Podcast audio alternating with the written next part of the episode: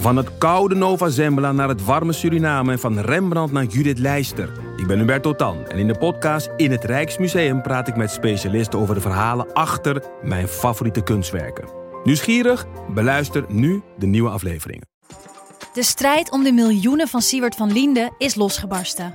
Zowel de staat als zijn stichting eisen de mondkapjeswinst terug. Maar dat die opbrengst in ieder geval niet thuis hoort bij Van Linde, daarover kan toch eigenlijk geen twijfel bestaan. Hoe kon het zo ver komen? Dit is het. We hebben beet. En als Siewert het geld teruggeeft, kunnen wij dit schandaal dan eindelijk loslaten? Je hoort het in de Mondkapjesmiljonairs, exclusief bij Podimo. Ga naar podimo.nl/slash mondkapjes.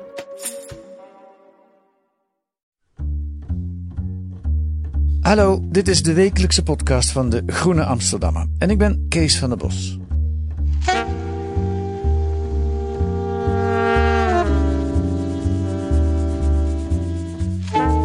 Marokkaanse 310, Katama 14, Turkse 340, Libanon rood 350, Libanon geel 360, Afghanistan 450, Pakistan 380, Citral 4 gulden 5, India Tempel 550 en Nepal 465 per gram. In de sector wiet, Congolezen 12,50, Mexicaanse 5 gulden, Colombiaanse 15 gulden, Thailand 10 gulden, Indonesische 4 gulden en Nederlandse wiet 65 cent per gram. En dat waren dan weer de maximale richtprijzen per gram hash of wiet. Zo klonken de beursberichten van Koos Zwart in het VARA radioprogramma In de Rode Haan in de jaren 70. Uit die tijd stamt nog ons nog steeds liberale drugsimago. Maar de tijden zijn grondig veranderd. Tegenwoordig zegt de minister van Justitie, Grapperhaus, dat coca cocaïnegebruikers bloed aan hun neus hebben. Nou ja, hij noemt het anders, maar daar komt het wel op neer. Ze financieren met hun gebruik de misdaad. Dit jaar is het 100 jaar geleden dat de opiumwet werd ingesteld. De wet met de verboden drugs die met enige regelmaat worden aangevuld. De lijst van verboden drugs dan. Hoe ging de overheid in die 100 jaar om met de gebruikers? Met die vraag kijkt groene redacteur Juri Boom naar die 100 jaar geschiedenis. Welkom in de podcast, Juri. Dankjewel. Uh, meteen maar met de hamvraag beginnen. Ben je voor of tegen liberalisering van drugs? Ha, de hamvraag. um, ik denk dat de drugscriminaliteit zo'n enorme omvang heeft bereikt. In, in de loop van vele, vele eeuwen. Uh, onvermijdelijk gebruik van uh, stimulerende en verdovende middelen. Ja. Uh, dat om, om die de wind uit de zeilen te nemen, je toe zult moeten naar uh, ja, vrijgeven van liberalisering en regulering van drugs. Maar. Maar. Maar. vroeger riep ik meteen legalize, legalize. Ja. Maar door veel over dit onderwerp te schrijven, veel mensen te spreken. ben ik toch ook wel heel sceptisch geworden. Het, het zijn langdurige processen om dit voor elkaar te krijgen en de risico's zijn enorm. Want uh, cocaïne is echt iets anders dan cannabis. Mm. Dat heeft een heel andere psychotrope werking. Mm -hmm. En daar wil je heel graag meteen nog veel meer van. Er zullen weinig mensen zijn die dat gevoel niet hebben. Dus om te leren daarmee om te gaan, ja, dat, dat is een, een heel gedoe, zal ik maar zeggen. En je kunt je dan afvragen, moeten mensen dat wel leren? Is het wel nodig? Uh, moet het wel, wel voorhanden zijn? Uh, wat ik het fijnste zou vinden is als het iedereen zou lukken, uh, gewoon zonder die middelen. Ja, en waarom riep je vroeger legalize, legalize? Waarom was je toen makkelijker? Nou, ik was toen een stuk jonger. Laten we daarmee beginnen. Hoe oud ben je nu? Ik ben nu 48. Oké. Okay. En uh, ik, ik, deed graag mee aan de raves van, van Legalize. Was in de tijd dat de, dat de techno uh, net uit de house voortkwam. Dus dat waren stevige raves in Amsterdam. En dan da dansten we achter uh, uh, wagens met sound systems aan. En dat ging dan Alfred vrijgeven van, van, van wiet, van cannabis ja. en, en hash. Ja. en tegelijkertijd dan ook maar gewoon meteen alle drugs. Vooral ook ecstasy natuurlijk in die scene. Ja. Um, ik had er toen niet heel goed over nagedacht. Maar ik, ja, als je er een beetje naar keek was het al wel duidelijk van oké. Okay, laat mensen zelf leren hoe ze ermee omgaan. En uh, uh, maak het verkoopbaar, officieel, want dan heb je die criminaliteit niet. Dus de, de gedachte was toen al logisch. Ja, ja. Alleen als je dan wat verder gaat kijken, dan zie je hoeveel haken en ogen het heeft. En hoe gevaarlijk het is. Ja. Met legaliseren ben je niet meteen van de criminaliteit af. Um, niet meteen, maar je komt wel een, een heel eind. En het interessante is, um, om maar meteen wellicht een voorschot te nemen op, op, op ons gesprek, dat ja. Nederland daar gewoon keihard ervaring mee heeft. Met het legaliseren en reguleren van de hardste harddruk die we kennen, en dat is opium. Ja, nou dat is precies waar ik naartoe wilde, want uh, die, die opiumwet uh, uh, stamt uit 1919, dus daarom nu 100 jaar geleden. en wat, mij, wat nieuw was voor mij in jouw artikel, was dat Nederland toen drugsproducent was. Ja. Vertel. Ja, ja, het is, uh, de laatste jaren is, is het wel lang, langzaam maar zeker naar buiten gekomen. Het was ook niet geheim. Maar uh, zoals je wellicht, nou, zoals je kunt zien als je het stuk leest, op meerdere vlakken zijn we de geschiedenis van, van, van het drugsgebruik in Nederland eigenlijk gewoon vergeten. En dat komt omdat het zo, het ligt zo'n morele saus overheen. Ja. Je, je ziet het al, wij spreken over legalisering. En dan hang ik een beetje in het midden. Het is toch een beetje goed of fout uh, vraag is het geworden. Een, een, een morele laag uh, ja. ligt er. Nou, Nederlands, uh, dat was vroeger niet zo. Ne Nederland is natuurlijk de, absoluut de, de superkoopman van de wereld is die geweest. De Britten die hebben veel van ons geleerd, werden dat volgens ook. Um, Nederland verhandelde opium in Nederlands-Indië, in de Oost. Er was zelfs sprake van een staatsmonopolie op opium in Nederlands-Indië. Ja. En ik, ik heb nog Staatswinkels ook. Ja. Ja, weet je wat het is? Ik had het opgeschreven en alles. En voordat ik uh, uh, naar de studio ging, dacht ik, ik moet het toch nog eens even nakijken. Dit is toch eigenlijk wel een raar verhaal? Ja, je gelooft het bijna nee, niet. Ik geloofde bijna mijn eigen bronnen niet. Maar ja. het is echt waar. Ja. Ik heb het nog nagezocht. Um, uh, het heeft heel lang geduurd, zo'n zo beetje drie, drie eeuwen. Het begon ermee dat de VOC uh, die, die, die haalde kruiden, specerijen uit de oost. Ja. Voer daarmee naar Bengalen. Dat was toen nog niet in handen van de Britten. Dat is dus een deel van uh, uh, India. Ja. En misschien zelfs wel Bangladesh, Bengalen. Ja. Daar gingen de specerijen over in handen van Bengalese kooplui. En daar laden we ruwe opium in. En dan ging het weer terug. Ja, je had dus ook VOC-schepen die voeren alleen maar heen en weer. Ja. tussen India en Nederlands-Indië. Uh, voor, voor, de opium. Nou, in het begin werd het dan doorverkocht aan Chinese handelaren. Ja. Want Chinezen in uh, Indië, die gebruikten opium. Ja. Opium schuiven. Het opium roken was een ja, Chinees ingevoerd gebruik. Ja. En um, in de loop der eeuwen, um, nou ja, het nam het een hoge vlucht en liep er eigenlijk op uit in, in de 19e eeuw. Als de staat sowieso meer regie neemt, dat uh, de Nederlandse staat dit echt ging doen. Want de Nederlandse staat wilde uh, uh, tegengaan dat er smokkel was. We hadden een opium ingesteld voor alleen Nederlanders die het mochten aanvoeren. Maar er was ook heel veel, waar we het over hadden, smokkel die eronder lag. Om dat te voorkomen ging Nederland een regie voeren. en dat ging zover dat, nou, dat dus gebruikers geregistreerd werden. Eigenlijk overal in, in Indië. En in sommige gebieden kreeg je ook een, uh, had je ook uh, een licentie nodig. Waren dat Chinezen in Indië? Of? Nee, het is een, een, een, moreel heel lastig verhaal van deze tijd. Nee, ja, ja, ook. Maar wat gebeurde er? Raakte natuurlijk ook gewoon Javaanse boertjes verslaafd aan het spul. Want wat het doet, dat weet natuurlijk ook bijna niemand meer. Want wie gebruikte nog opium? Ja. Wat het doet uh, is, ja, ik heb het zelf ook nooit gebruikt trouwens. Maar wat het doet is dat het je een roze wolk geeft. Zo wordt het mij beschreven. Dus het, uh, het, je hebt het met meerdere drugs, maar deze doet het wel heel fijn. Uh, opium en alle opiaten zoals heroïne. Mm, al die zorgen, ja, die, uh, die drijven bijna letterlijk weg. Niks meer aan de hand. Nou, dus dat, voor die Javaanse boertjes was dat geweldig. Ja. En um, ja, die mensen werden dus verslaafd door een goed dat Nederland invoerde.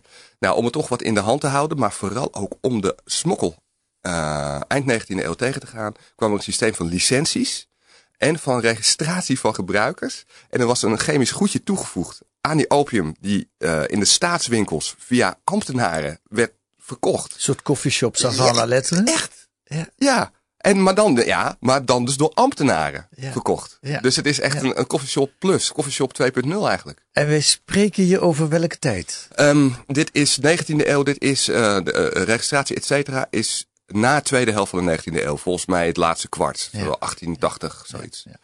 En, las ik, we waren ook nog even de grootste cocaïneproducent van de wereld. Jazeker, meneer. Ja. Hoe kan dat nou weer? Nou, dat is ook weer de handelsgeest. Kijk, uh, ja, ik, ik zit een beetje te lachen, want ik vind het ook gewoon zo ongelooflijk van die Hollanders. Ja. Um, coca, cocablad, daaruit maak je cocaïne. Ja. Uh, groeit in Latijns-Amerika.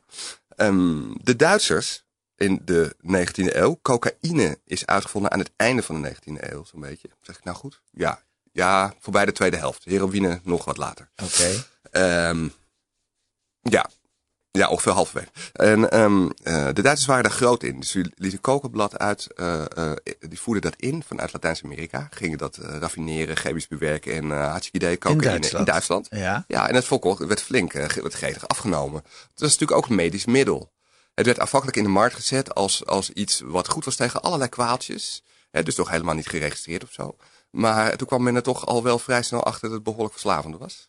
Uh, en uiteindelijk werd het vooral gebruikt als lokaal verdovingsmiddel. Ik dacht dat cocaïne nog wel meeviel als verslaving. Ja, ja dat is interessant. Ja, ja, is dat niet zo? Uh, nou, het is niet fysiek uh, verslavend, maar het is geestelijk ontzettend verslavend. Het is dus de afkick is niet, ja, dus dat je denkt van, nou ja, niks aan de hand, dan neem ik het toch niet. Ja. Weet je wel? Maar dan krijg je het geestelijke proces en, en je, je valt heel snel door de mand en dan ga je er toch weer aan. Ja. En als je het rookt in, als je het rookt, dus uh, de pofjes, dus de crack, de basecoke, dan dat is heel erg verslavend. Elk middel dat een kortstondige werking heeft, een hevige kortstondige werking, is absoluut heel erg geestelijk verslavend. Ja. Er zijn maar twee middelen zeer fysiek verslavend: heroïne en, uh, en uh, GHB. Hm. Maar de Nederlanders dus in. in ja, even weer terug. Ja. Hoe, hoe zijn wij uh, producent geworden van cocaïne? Nou, Nederland dacht, ja, die Duitsers die verdienen daar een partij geld met, met, die, met die cocaïne. Um, maar wij hebben toch ook heel warme, natte gebiedsdelen. Waarom zou dat blad dan niet bij ons kunnen groeien? Nou, dus uh, plantje meegenomen, geplant op Java met deskundige advies van Wageningen toen al. Dat is toen al de, de Rijksuniversiteit van Wageningen. ja, Wageningen. Nou, dat ging uitermate goed. Dus Nederland had enorme coca-plantages op de, in de Indische archipel. Ja. En was, wij verkochten de ruwe grondstof aan de Duitsers. Maar toen dacht iemand, maar wacht eventjes het is natuurlijk handig als wij er zelf ook het eindproduct voor kunnen maken. We hebben de hele keten in handen en dan gaan we echt verdienen. Dus er is geëxperimenteerd en het, het lukte. En toen is er op de Schinkelkade in Amsterdam de eerste Nederlandse cocaïnefabriek uh, geopend. De Nederlandse cocaïnefabriek heet het niet.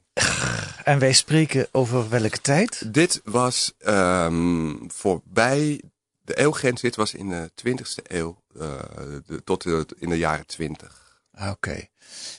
Um, ongelooflijk. Toch? Een stukje geschiedenis ook wat weinig bekend is. En daarna is dus de, de, de, toen werd die opiumwet in 1919 ingevoerd onder druk van China en Amerika. Want daar was het, het, eh, het, het gebruik van opium steeds problematischer geworden. En Nederland struikelde daar dus eigenlijk een beetje onwillig achteraan. Want we zaten lekkere handel. En weet je wat Nederland deed? Nee. Nederland zag dat we niet onder die verdragen uitkomen. Ja. ik moet weer grijnzen, dat is echt zo bizar. In 1909 is er voor, voor het eerst een, eh, een internationale conferentie. Onder eigenlijk druk van Amerika en China ook. Uh, en Nederland ziet al aankomen van, oh nee, dit gaat uitlopen op het verbieden van uh, handel in en productie van deze grondstoffen. Ja. Weet je wat? We laten gewoon de volgende conferenties in Den Haag houden. Weet je? Ja. Er zijn er drie in Den Haag geweest, twee of drie. En daaruit voortkwam het verdrag in 1912. En het was dus gelukt, de Nederlanders, om ervoor te zorgen dat ze, uh, dat ze nog wel opium konden uitvoeren hm. buiten de eigen landsgrenzen. Ze konden het gewoon nog blijven verhandelen naar Nederlands-Indië. Ja. En dat kon omdat ze de, de delegatieleden in Den Haag gewoon bespeelden. Ja. Goed, toen had je dus de Nederlandse opiumfabriek. Laten we eens luisteren. Afgelopen maandag in Nieuwsuur was er ook sprake van opiumfabrieken. In steden, dorpen en op het platteland. Wacht even, waarom begint hij middenin? Je zei opiumfabrieken. Maar eerst de opkomst van cocaïnefabrieken in Nederland. Voor de bereiding van cocaïne bouwen criminelen steeds grotere en steeds modernere cocaïnelaboratoria. In één zo'n lab kun je duizenden kilo's coke produceren. In het afgelopen jaar zijn wij tien cocaïnelabs tegengekomen. Uh, en met name vinden we die cocaïnelabs in woningen, appartementencomplexen, dichtbevolkte gebieden. En dat is levensgevaarlijk. De cocaïnelaboratoria zitten overal in het land, in steden, dorpen en op het platteland. Advocaat Koopman behandelt veel van dit soort zaken. Dit is een kooklab op een bungalowpark in Oostvoorne, Zeeland. Dit is een zeer groot kooklab in Apkoude. Dit is een kooklab met brandstichting in Osdorp, Amsterdam. Dit is een kooklab met brandstichting. Althans, er is een zware brand ontstaan in vrijstaand huis op Tessel. Ik zei het natuurlijk fout. Ik zei, uh, het moeten cocaïnefabrieken zijn. Maar toen had je dus de Nederlandse cocaïnefabriek. Nu is dat, nu wordt er op deze manier over gesproken, een geweldig groot probleem. Ja. Dat is een honderd jaar tijd. Ja, precies. Ja, je ziet de dingen uh, schuiven langzaam, maar ze schuiven lange tijd. En dan is opeens alles anders. Hey, je bent uh, nu weer groene redacteur, maar je bent, uh, hebt jarenlang uitstapjes gedaan. Je bent in India, Pakistan, correspondent geweest. Je hebt in Afghanistan gezeten. Hoe zit het daar met, met de opium? Nou, Afghanistan is de producent volgens een beetje alles wat opiaat is. Dat zo, zowel volgens mij medisch als recreatief in Europa wordt gebruikt. Ja. Amerikanen hebben weinig last van de Afghaanse opium. Maar de, je hebt daar een, een zwarte illegale economie die drijft op opium en uh, die is minstens zo groot als de, als de gangbare economie. Ja. En dat is, enorm, dat is niet normaal, dat heb je nergens ter wereld. En misschien is die zelfs wel groter, misschien gaat er wel meer geld in om dan in de officiële economie. En is dat, hoe is het met het gebruik van door, door, door de Afghanen? Ja, nou door de uh, Afghanen, um, dat is wel een interessant verhaal. Kijk, toen ik daar reportages over maakte, toen kwam ik erachter, en dat vond ik heel schokkend, dat uh, Afghaanse kindjes vaak een stukje ruwe opium kregen om, als ze heel erg moesten huilen niet, en niet konden slapen en zo. En daardoor raakte soms een kindje verslaafd, maar vooral de moeders raakten verslaafd, want die namen dan ook wel eens een hapje. Ik heb dus twee dames in Boerka geïnterviewd over hun opiumverslaving. Geweldig was dat. Um, heel lang geleden dit. Maar um, terwijl ik bezig was met dit artikel, las ik ook veel over de volksgeneeskunde, die eigenlijk voorafgaat aan, aan de echte medische stand, de medische vak zoals wij dat kennen. En daarin werd gewoon de hele tijd opium gebruikt, ook in Nederland. En kindjes kregen dat tegen het huilen. Ja. En het is gewoon een kwestie van een aantal uh, klaprozen telen, papaverbolletje, krasje erin, uh, dat spul wat eruit komt oog zit, daar iets mee doen. En dan heb je opium. Dus veel gebruik in Afghanistan, groot probleem. En ik heb vooral ook gewoond in India. Uh, in Afghanistan ging ik naartoe voor reportages. In India woonde ik. Ja, daar ben ik ook wel benieuwd naar. Is, is, in hoeverre is drugs een westers probleem? India, hoe, hoe, wat, wat, wat speelt drugs voor rol daar? Ja, nee, drugs. Um, nou, als, stel dat we het framen als probleem. Hè? Laten ja. we dat doen. Ja. Uh, dan Hoe, is waarom zeg je dat? Wat, wat bedoel je daarmee? Ja, um, nou, ja, jouw vraag was, en uh, ik luister naar jouw vraag.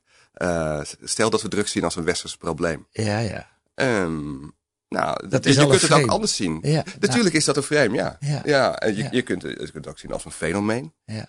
Um. Je kunt ook beslissen dat je de term drugs niet uh, wil gebruiken, bijvoorbeeld. Die, die stamt uit eind jaren 60 in Nederland. En is, is negatief. Ja. Um, mag, mag, jouw okay. frame, probleem? Ja, nee, dan, maak ik, dan verander ik van okay. frame. Drugs vind ik wel een prettig woord, maar fenomeen. Hoe, hoe ja. zit het met gebruik? Ja, uh, het is absoluut een, een mondiaal fenomeen. Ik, uh, ik heb wel wat gereisd in mijn leven. En een van de opvallende dingen vond ik wel dat je in Kabul, de hoofdstad van Afghanistan, uh, in de expat scene, dus journalisten, maar ook uh, militairen, um, uit alle landen, dus niet een westerse expat scene, maar echt een mondiale expat hè, daar was volop cocaïne te verkrijgen. Cocaïne in Afghanistan, terwijl dat het land is dat, dat de opium produceert voor alle heroïne, ja. wordt er dus heel veel moeite gedaan om cocaïne ja. te smokkelen het land in voor, voor die expat scene die daar zit. Ja. Ik vind dat echt niet normaal. Ja. Dan zie je dus hoe mondiaal dat is. En in India, de gewone. Indiër, um, nou, gebruikt die uh, verdovende middelen? Ja, het is wat lastig om, uh, om aan te geven wat nou de gewone Indiër is. Maar de, de, de gewone Indiër die uh, het levenspeil zo ongeveer heeft als, als dat van ons. Ja. Uh, dat is helaas nog niet de meerderheid. De middenklasse, denk ik dan? De, laten we die de middenklasse noemen. Um, de jongeren in de middenklasse uh, gebruiken van alles. Heel veel cannabis. Um, en ook miauw miauw. Dat is een. Uh, dat, dat las ik, dat ken ik helemaal niet. Wat is dat? Ja, dat is een, een, een amfetamine eigenlijk. Een NPS wordt het genoemd. Een, okay. Wordt die af, afgekort staat. Een nieuwe psychoactieve stof. Zoiets, ja. Um, je kunt lekker, amfetamine is gewoon, dat maak je, amfetamine is speed. Mhm. Mm -hmm. uh, maar dat is eigenlijk een naam, amfetamine, voor een, uh, een hele groep van drugs. Je maakt ze in het laboratorium, dus lekker sleutelen aan de moleculetjes. En dan even inspuiten of snuifje nemen en kijken hoe het werkt. Daar vallen overigens ook slachtoffers bij, bij de producenten, dit soort gekken die dit doen.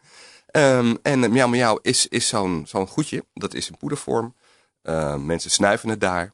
En het heeft een werking tussen cocaïne en MDMA slash ecstasy in. Ecstasy was daar zeer goed te verkrijgen. Um, vooral eigenlijk in MDMA-vorm, in poedervorm. Is dat eigenlijk Nederlandse ecstasy of weet je dat niet? Uh, dat is geen idee. Ah, nee. Geen okay. idee. Ik heb okay. wel, ik heb wel uh, uh, de, de werkingen mogen ervaren. En ik vond het niet zo goed als een uh, speel dat je in Nederland kunt krijgen. Oké. Okay, okay. Dus, dus ik, ja, god, maar ik heb het niet echt kunnen onderzoeken. Nee. Uh, Juri, ik wil het nog over twee dingen met je hebben. Want je ja. kunt hier nog uren over vertellen. Dat is me wel ja, hoor. duidelijk. Uh, het ene is een, een, een nieuwe uh, trend in, in het, in het bestrijden van drugs. We horen minister Grapperhaus. Een jaar geleden ben ik stelselmatig begonnen vanaf augustus 2018 om overal waar ik kwam, overal waar ik optrad, te zeggen: denk erom. Als je harddrugs gebruikt, dan financier je zware criminaliteit. Dan, dan financier je mensen die willekeurig vergismoorden plegen, aanslagen plegen op journalisten en, en kranten die onwelgevallig over ze schrijven. En onlangs natuurlijk heel verschrikkelijk gewoon ijskoud een advocaat laten vermoorden. Dat financier je mede omdat je dat soort spullen verkoopt. En dat was een jaar geleden. En in het begin werd ik door mensen geminacht, ik werd uitgelachen. En ik heb gemerkt, de pendule is steeds meer zo gegaan. Er zijn steeds meer mensen die toch zeggen... eh, ja, eh, dat is eigenlijk... eh, nee, dat is niet lekker. Minister Grapperhaus geïnterviewd op een EO-website door Thijs van de Brink. Ehm, de gebruiker, wat ik in het begin noemde, wat jij ook in je artikel noemt, heeft bloed aan zijn neus. Wat vind jij van die benadering? Ehm, nou, dat is, eh, ehm, dat is waar. De minister heeft gelijk. Maar het is natuurlijk wel interessant om te zien wat gebruikers erover zeggen. Eh, die zijn sowieso door eh, het geestverruimende effect van sommige middelen vaak gewend om even iets hoger eh, te zweven boven de zaken. En die zeggen van ja, dat kan wel zo wezen, ehm, maar het komt natuurlijk uiteindelijk allemaal door het systeem dat we hanteren. Door die opiumwetten, door het ehm, illegaal maken van drugs. Daar... Het komt, wat bedoel je, die criminaliteit? Ja, dus het feit dat wij bloed aan de neus hebben, zou de gebruiker kunnen zeggen. eh, dat beseffen wij. Dat heeft te maken met het beleid dat wordt gevoerd. En, eh, en het werd eh, prachtig verwoord door een van hen. Die zei van, oké, goed, ja. Eh, geef mij het 06-nummer van de dealer eh, met milieubewuste eh coke en een, eh, een, een milieurechtsdraaiend pilletje. Zoals je scharrelvlees hebt, zou je ook scharrelkook moeten hebben ergens. Ja, en er is zelfs een onderzoek uitgevoerd eh, waaruit bleek dat eh, de gemiddelde gebruiker bereid is minimaal 20% extra te betalen voor zijn snuifje. Als, het, als hij weet dat het eh, milieuvriendelijk is en geen criminaliteit heeft veroorzaakt en geen bloed. Ja, maar geef mij het nummer. Dat is een, een retorische vraag, want dat nummer bestaat niet. Exact. En daarom vind ik het te makkelijk om zomaar eh Grapperhaus en al die eh, politiecommandanten, Femke Halsema van GroenLinks, onze burgemeester in Amsterdam, zegt hetzelfde. Om allemaal van hen allen te zeggen dat het onzin is die ze uitkwamen. Nee, in dit systeem is het op dit moment zo dat je eraan meedoet. En we hebben een groot probleem. Het is in de loop der tijden enorm gegroeid met die criminaliteit. Er wordt veel gesproken over ondermijnende criminaliteit. Het is ook een beetje een, een, een- hype. Alles valt daar opeens onder. Eh, maar ik heb het om me heen toch ook wel zien veranderen. En zes jaar weg zijn uit Nederland, in India wonen, dan terugkomen, is interessant wat dat betreft. Het is erger dan het was. Maar Grapperhaus, kijk, eh, toen ik het hoorde, dacht ik, jee, dat is een zwakte bot. Je kunt de industrie niet aanpakken en dan ga je de gebruiker aanspreken. Maar je nuanceert het wel een beetje, want ergens heeft hij ook wel gelijk. Ja, maar er zit een gevaar aan. Dat is het hele punt. Kijk, het- ehm, ja, binnen dit systeem heeft hij gelijk. Maar eh, ehm, hij, hij, hij doet justitie en veiligheid tegenwoordig. Ja. En wat je net hebt gezien sinds de jaren 70 is dat er een delicaat evenwicht is in het drugsbeleid tussen eh, VWS, Volksgezondheid, ehm, de, het ministerie en het ministerie van Justitie. Dus begeleiden, zeg maar, en, en, en onderdrukken. Ja, precies. Dus eigenlijk eh, begeleiden inderdaad, maar het is ook gewoon eh, echt het gezondheidsaspect. Ja. Eh, in het artikel zegt de bekende drugsonderzoeker Ton Nabbe, zegt laten we niet vergeten, al dat ge- ge- gesteggel over die opiumwet heeft iets opgeleverd. Wij hebben de gezondste gebruikers ter wereld. Toen ben ik eens gaan kijken. Nou, je wilt niet weten waar er allemaal ellende is. Echt meteen onze zuidenburen, de Belgen. Gewoon, ja, junkies op straat. Schotland, trainspotting, weet je nog? Lang geleden is het die film? Keiharde drugsepidemie. En waar hebben wij dat aan te danken, die gezondste gebruikers? aan een enorme strijd tussen justitie en VWS, die eigenlijk het ministerie van Gezondheid in de jaren 70 op een vriendelijke manier eh, te uh, haar voordeel heeft beslecht. Um, in Nederland is het zo dat, dat het uh, heel belangrijk is, de volksgezondheid. Er zijn twee pijlers bij het drugsbeleid. Dat is uh, wat niet mag bestrijden, dus dat is handel en productie. En gebruik is in Nederland ook heel belangrijk, is nooit strafbaar gesteld. Um, daarover gaat eigenlijk VWS. Oké, het mag, hè, het is niet de bedoeling dat je gebruikt. Ja, het mag wel. Maar als je gebruikt. Ja, maar ja, die drugs heb je verkregen op illegale wijze, kan niet anders.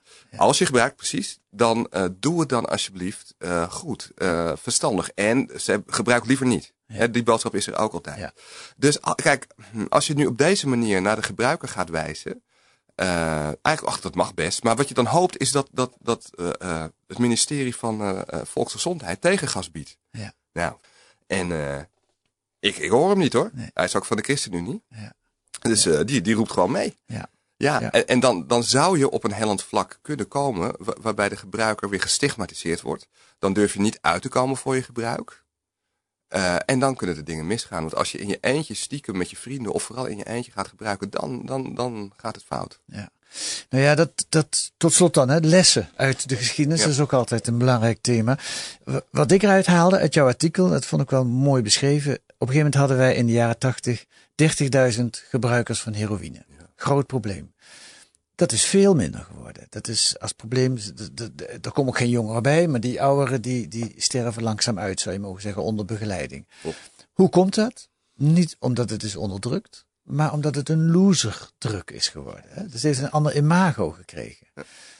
Wat zegt dat over de bestrijding van drugs? Dat het geen enkele zin heeft. Het onderdrukken bedoel je? Het bestrijden van het gebruik, of, dat heeft geen zin. Dus wat je het beste kunt doen is het in de goede banen leiden. GHB is een perfect voorbeeld. GHB, uh, moderne druk, uh, veel over geschreven, uh, is absoluut op een terugtocht. Waarom is dat? Omdat je, nou, na twee weken dagelijks gebruik, raak je er verslaafd aan. Dat is veel, hè, twee weken dagelijks. Maar het geeft een geweldig gevoel, schijnt. Ik heb het nooit gebruikt. Um, en mensen kwamen daarachter, zagen de gevolgen bij mensen bij wie het fout ging. En toen ging het mis. Is een, of toen uh, zijn ze gestopt met het vaak nemen. Je hebt zeg maar, de oortgebruikers in Nederland is zoiets van 20.000 mensen die ooit GHB hebben gebruikt. De probleemgevallen zijn enkele honderden. En als je nu gaat vragen bij clubs, die heb je voor het laatst gebruikt, dan is dat vaak meer dan een jaar geleden. Dus dat is op zijn retour door, omdat je, door beeldvorming. En er is bijvoorbeeld een tv-serie gemaakt door uh, Tycho Gernand over de probleemgevallen uh, GHB-gebruikers. Zeer verslaafde mensen, jongeren op het platteland in West-Brabant in dit geval. Veel mensen zien dat. Hè, dat staat ook op internet. Jongeren kunnen het ook kijken. Die kijken geen tv meer. En dan denk je, weet je wat? Doe maar even niet. Dat werkt. Ja, ja. Bestrijden heeft geen zin. Dat, uh, die, uh, die zin onthoud ik. Hey, je wilde nog een boek noemen. Dat is helemaal niet ter sprake gekomen. Dat mag je gewoon nu los noemen. Ja, ja het is een, is een heel uh, belangrijk boek. Het is helaas niet makkelijk meer verkrijgbaar. Dit is een, een, een proefschrift door Marcel de Kort. Het heet Tussen patiënt en delinquent met als ondertitel Geschiedenis van het Nederlandse drugsbeleid. Het is taaie kost, maar het is een uh, historisch werk in de zin van dat het uh, geannoteerd is. Er staan ja. heel veel bronnen in. Ik heb er dankbaar gebruik van gemaakt. Goed. Dankjewel, Jori Boom. Deze week allemaal te lezen in De Groene. En verder ook een reportage over gezinnen uit Somalië... die hun in Nederland geboren dochters in Nairobi laten besnijden. Iets wat zowel daar als hier verboden is. En ook een selectie van de hoogtepunten van het ITVA, het Internationale Documentaire Festival, dat vanaf 20 november tot 1 december plaatsvindt in Amsterdam. Allemaal te lezen in De Groene. Als je geen abonnement hebt, neem een proefabonnement. Ga naar de site groene.nl, daar staat dat allemaal uitgelegd. Volgende week zijn wij er weer met analyses en achtergronden bij het nieuws in deze wekelijkse podcast van De Groene Amsterdammer. Die werd deze week gemaakt door Tobia Palm en Kees van der Bos. En de muziek is A Tune for N van Paul van Kemenade.